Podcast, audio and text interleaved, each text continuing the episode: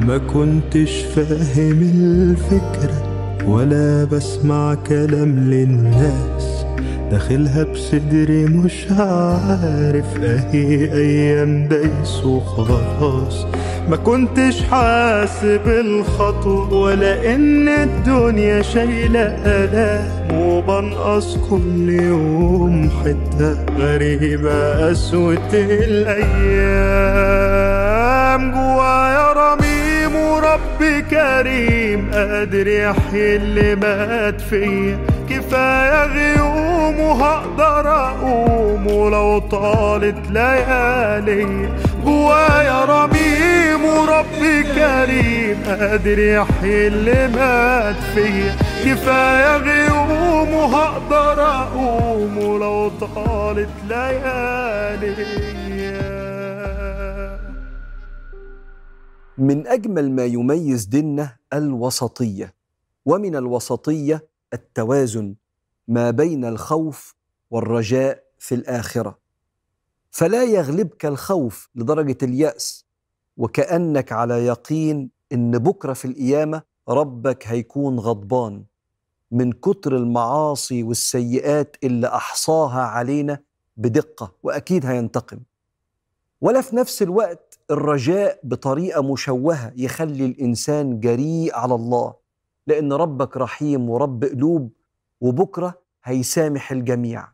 الأولى كان هذا الرجاء يجعل الإنسان عنده حياء يسارع به في خدمة الخلق وطاعة الرب. لا يأس ولا رجاء مشوه.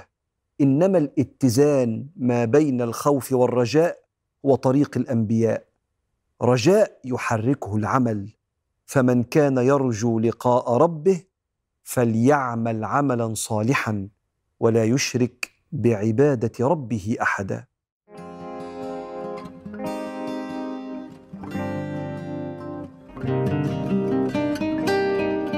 وانت ماشي في طريقك لربنا زي الطائر اللي بيطير. رأسه الحب وجناحيه الخوف والرجاء. ده مثال المؤمن. الحب اللي بيحركه وسر حياته وفي جناح في خوف من ربنا وفي جناح في رجاء من في ربنا سبحانه وتعالى. وبالتالي لو اختل التوازن ده الخوف بقى هو اللي غالب أو الرجاء هو اللي غالب محتاج تعيد. اتزان نظرتك في استعدادك للقاء الله في الآخرة. لأن بعضنا اتربى على إن ربنا رب قلوب وكل حاجة حب وعلى فكرة صح. كل حاجة حب بس الحب جواه هيبة من ربنا سبحانه وتعالى. وبعدنا بعضنا اتربى كل حاجة خوف وكأن ربنا متربص لعذابنا رغم إن ربنا قال ما يفعل الله بعذابكم إن شكرتم وآمنتم فالبعض حاسس إن لقاء ربنا فيه غضب بس والبعض حاسس إن لقاء ربنا هيسامح الناس كلها فده خلاه يبقى جريء على ربنا. وإحنا النهارده جايين نعيد بناء منهار من اتزان في الاستعداد للقاء ربنا سبحانه وتعالى والتفكير في الآخرة. والآخرة بتبدأ من ترك الإنسان للدنيا بالموت.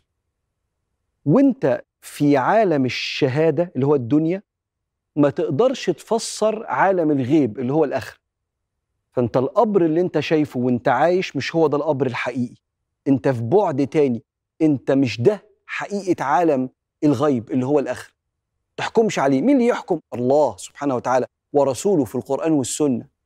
فأنا محتاج أحكي لك شوية حاجات توزن الخوف والرجاء. عشان الإنسان يسير باتزان طائر رأسه الحب وجناح الخوف والرجاء.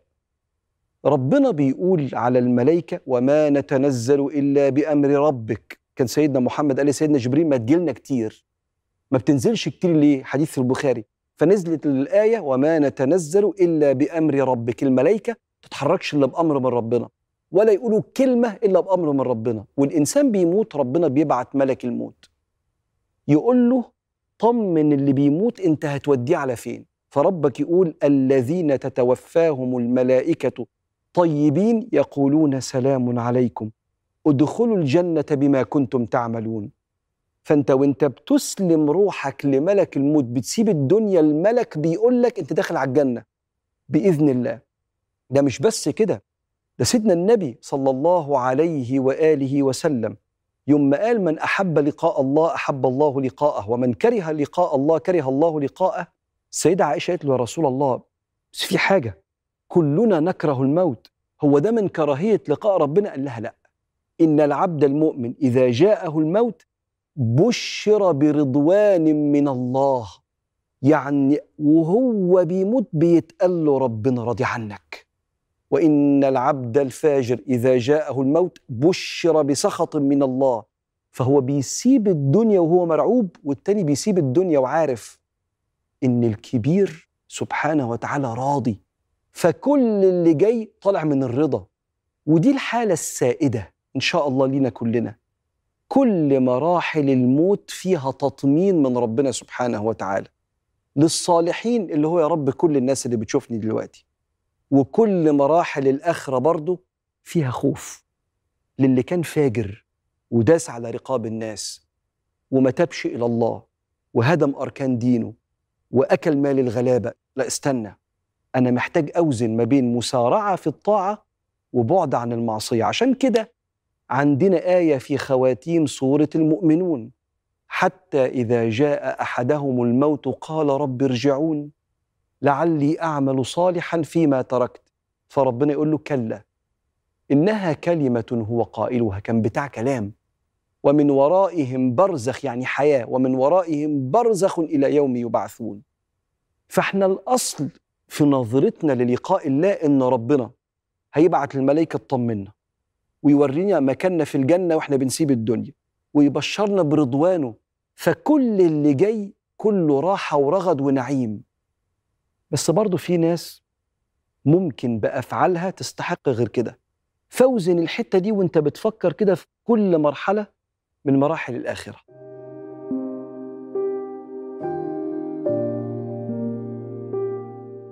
وبعد ما الإنسان بيسيب الدنيا بلحظة الموت بيبدأ مرحلة اسمها البرزخ والبرزخ هو كل مكان فاصل ما بين مكانين أو زمان فاصل ما بين زمانين.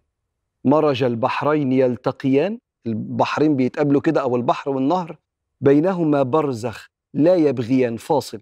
وكذلك الفترة بتاعت القبر ما بين الدنيا ويوم القيامة اسمها البرزخ.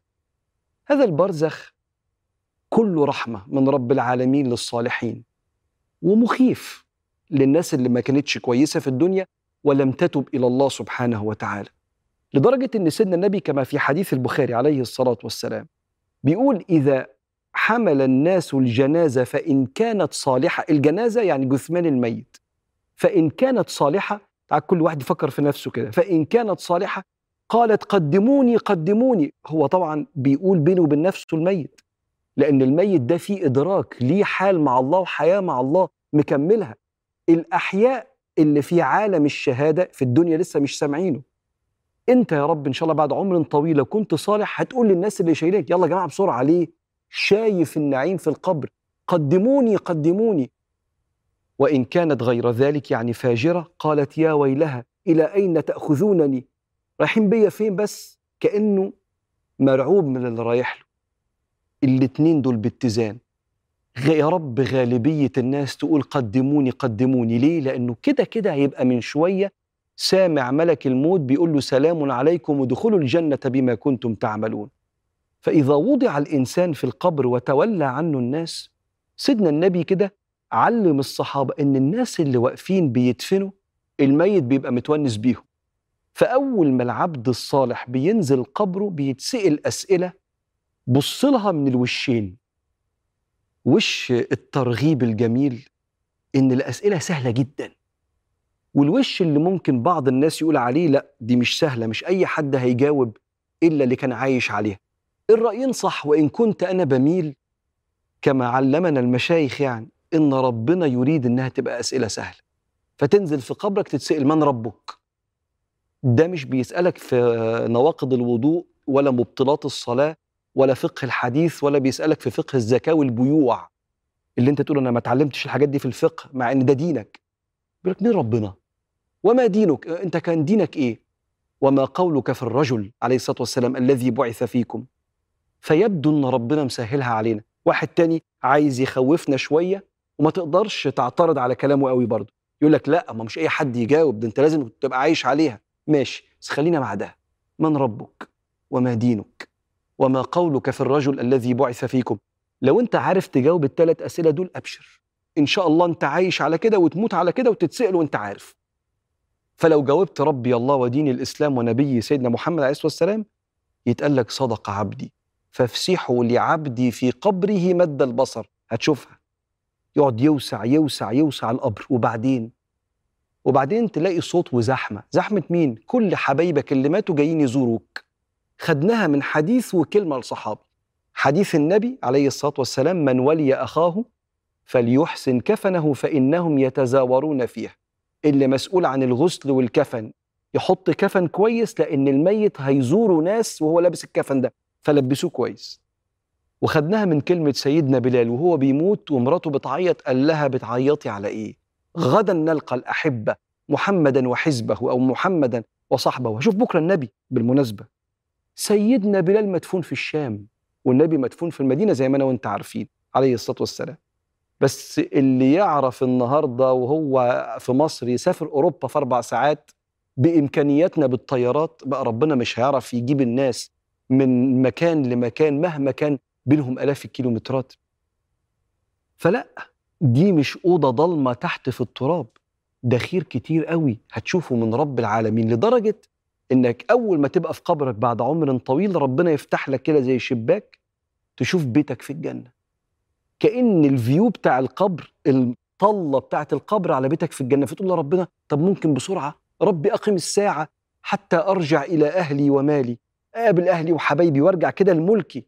فربنا يؤمر الزمن يتكلفت يا زمن بسرعة. فتحس إنك أنت من يوم ما اتدفنت وأنت لسه قاعد بتسلم على الناس اللي جاية بتسلم عليك خمس ست ساعات ولا ثلاث أربع ساعات كأنهم يوم يرونها الناس اللي مدفونة لما تشوف يوم القيامة.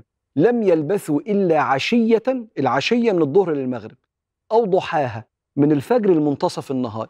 يا عم أربع خمس ساعات ست ساعات. بيعدوا بسرعة جدا. وأول ما تقوم القيامة ويوم يدعوكم أنت مش طالع مرعوب.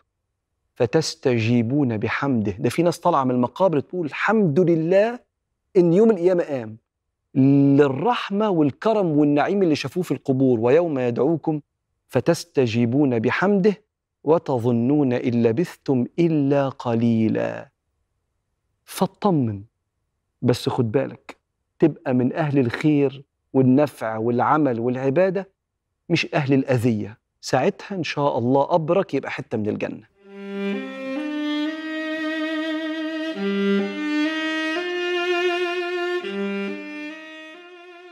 لازم توازن فكرتك في الموت تفهم بإن الله غفور وكريم. بس أنت طبعا تجتهد وتكون. في الدنيا عايش ملتزم وسليم. ما تعيش يائس من حساب الله وما تعيش تغلط. ضامن إنه رحيم. في ناس تعيش الدنيا عرض وطول ويقولوا لما نموت هيرضينا. لو مهما نغلط في الحياة راجعين عليه وساعتها يغفر كل بلاوينا. الفتنة صعبة وكل شيء جايز والعبد يغلط عادي شيء جايز. وأنا لو غلطت في قلبي مش عايز والمولى عارف كل شيء فينا. متعشمين في المغفرة إزاي هيخزينا؟ وفي ناس تشوف ربك بعيد والجنة مش ليهم خلاص. ارتكبوا ذنب وعاشوا بيه ومستنيين يوم القصاص. وكأن رحمة ربنا مش هي مش هيشوفوها في عمرهم. وكأن رحمة ربنا من المستحيل تقبل بعاص. ولا دول شافوها بشكل صح ولا دول كمان. الفكرة تسعى وتجتهد. مع عشمك إن الله معاك. ولا تفتكر ذنبك بسيط ولا تفتكر ذنبك هلاك. في النص بين كونك صحيح وبتشتغل على آخرتك وما بين يقين في الله كبير إنه هيغفر لك. هناك الأصل تتوكل ما تتواكلش. تسلك طريق الصح والخير والإيمان. جواك يقين كامل بأنه القرب من ربك أمان. على قد ما هترضيه هيرضى وكل ما تميل يعدلك. بس أنت تجمع من الرصيد اللي يزيد كف الميزان. في الآخرة هتلاقي اللي واقف والفرح باين عليه. وبرضه هتلاقي اللي خايف والندم ساكن عينيه. ده سعى وعاش واجتهد علشان ينون كرم الإله وده وقف ثابت مكانه ما خدش غير ذنبه في إيديه.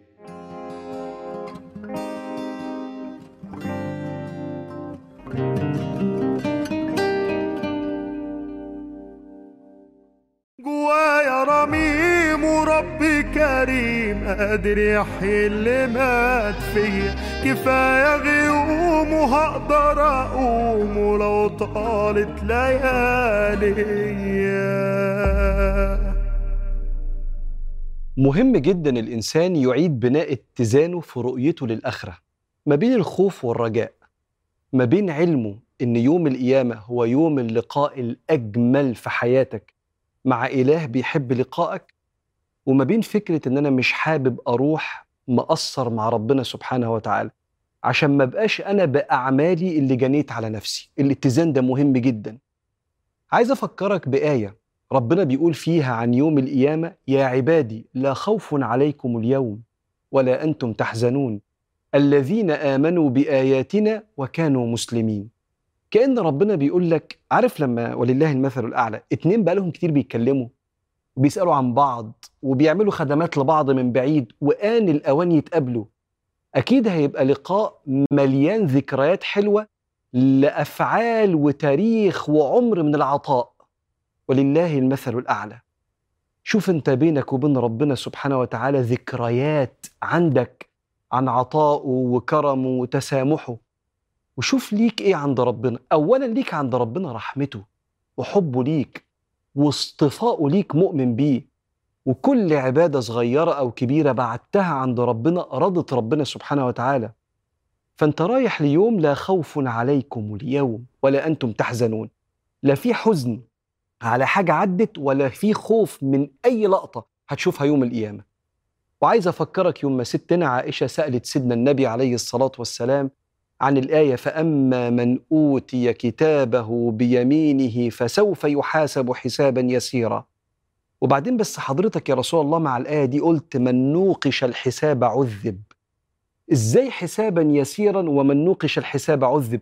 اللي يتسأل يوم القيامة هيرد يقول إيه؟ فلو في نقاش يبقى أنا غلطان والغلط راكبني. فالنبي قال لها لا. حسابا يسيرا إنما ذلك العرض. أنت بس بتقف قدام ربنا كده اتفتح لك كتابك تشوف انت لسه هتشوف اهو اتفضل عدي. عدي إيه؟ عدي. عدي انت ربنا سامحك باللي في كتابك بحسناتك وسيئاتك. إحنا عرضنا عليك وعدي. من نوقش الحساب عذب انت مش هتتناقش. انت ربنا سبحانه وتعالى هيطلعك من قبرك كده. يلا روح استنى النبي عليه الصلاة والسلام قدام باب الجنة. شايف اللقطة دي؟ لو سمحت وزنها في قلبك بلقطة أول ما يحاسب عليه العبد يوم القيامة الصلاة. فإن صلحت صلحت وسائر العمل وإن فسدت فسدت وسائر العمل. شايف الوزنه دي؟ عيش بيها. وعيد بناء الاتزان ده عشان نشوف في الدنيا حد مستبشر جدا للقاء الله بس الاستبشار ده يظهر في صورة إنسان صالح نافع للخلق.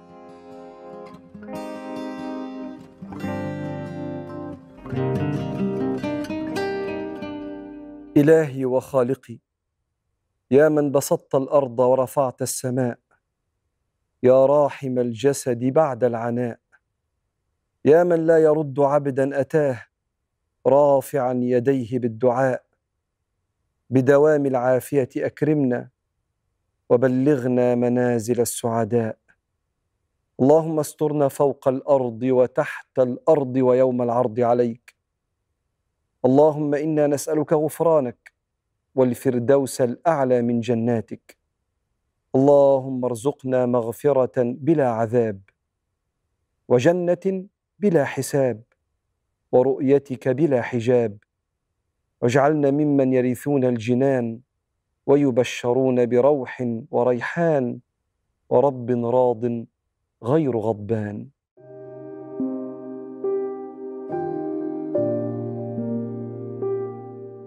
كان سيدنا عبد الله بن مسعود بيساعدنا على إعادة بناء الاتزان في النظرة للآخرة بكلمة جميلة قوي. كان يقول خمس آيات في سورة النساء ما يسرني أن لي بهن الدنيا. يعني الخمس آيات دول أغلى عندي من الدنيا. إيه الآية الأولى؟ إن الله لا يظلم مثقال ذرة وإن تك حسنة يضاعفها ويؤتي من لدنه أجرا عظيما. لما تروح عند ربنا هتلاقي حسنات انت عملتها وانت مش واخد بالك. ابتسامة لواحد سلام على واحد طبطبة على كتف واحد حاجات بسيطة انت عملتها ونسيتها. ربنا مش بينساها. إن الله لا يظلم مثقال ذرة وإن تك حسنة يضاعفها. تأتي التمر يوم القيامة في الميزان كجبل أحد. يضاعفها ويؤتي من لدنه أجرا عظيما. فلو سمحت اسأل نفسك عملت إيه النهاردة؟ لله أو لعباد الله؟ أما الآية الثانية قال إن الله لا يغفر أن يشرك به ويغفر ما دون ذلك لمن يشاء. فعيش على التوحيد وادعي إنك أنت تسيب الدنيا دي على التوحيد. طيب والتالتة؟ قال إن تجتنبوا كبائر ما تنهون عنه نكفر عنكم سيئاتكم وندخلكم مدخلا كريما. آه اللي هيعيش في الدنيا متجنب الكبائر ولو سمحت ابقى انزل اشتري كتاب الكبائر للإمام الذهبي شمس الدين الذهبي واعرف الكبائر اللي في ديننا إيه. الكبائر هي الذنوب اللي ربنا سبحانه وتعالى توعد فيها بالعذاب الأليم بتغضب ربنا. جزء منها في ترك العبادات والجزء الأكبر في أذية الخلق. فاعرف عشان تحاول تجتنب الكبائر دي لأنك أوتوماتيك. لو بعدت عن الكبائر إن تجتنبوا كبائر ما تنهون عنه نكفر عنكم سيئاتكم وندخلكم مدخلا كريما. سيئات أنت عملتها وناسي وما تبتش عنها مش هتلاقيها عشان اجتنبت الكبائر. طيب والآية الرابعة يا سيدنا في سورة النساء ولو أنهم إذ ظلموا أنفسهم جاءوك صلى الله عليه وسلم جاءوك فاستغفروا الله واستغفر لهم الرسول لوجدوا الله توابا رحيما. وده يشجعني أنا وأنت على دوام التوبة. ولو ما كنتش تبت النهاردة حاجة من الاتنين يا ما غلطتش وأنت غلطت وأنا كمان لأن كل ابن آدم خطاء. يا إما غلطت بس ما تبتش. فأكيد إحنا غلطنا النهاردة لأن كل ابن آدم خطاء. كمل الحديث وخليك خير الخطائين التوابون. وتوب توبة شاملة. قبل ما تنام كده يا رب حقك عليا لو قصرت يا رب. ولو في ذنب معين أنت عارفه أستغفر الله وأتوب إليه وأنت مستحضر هذا الذنب. أما الأخيرة الآية الجميلة اللي في سورة النساء مسك الختام ومن يعمل سوءا أو يظلم نفسه ثم يستغفر الله يجد الله غفورا رحيما. حط في وردك يوميا مية أستغفر الله العظيم الصبح ومية أستغفر الله العظيم بالليل. لأن ربنا سبحانه وتعالى وصاك لو غلطت استغفر هتلاقي ربنا غفور. يغفر كل ذنب في كل مرة سبحانه وتعالى. وعايز أقول لك على حاجة أخيرة. الاستغفار مش بس عشان ربنا يغفر لك ذنبك ده الاستغفار ده هو الباب الأوسع لزيادة الرزق وتفريج الكربات. من لزم الاستغفار كان له من كل ضيق مخرجا ومن كل هم فرجا ورزقه الله من حيث لا يحتسب.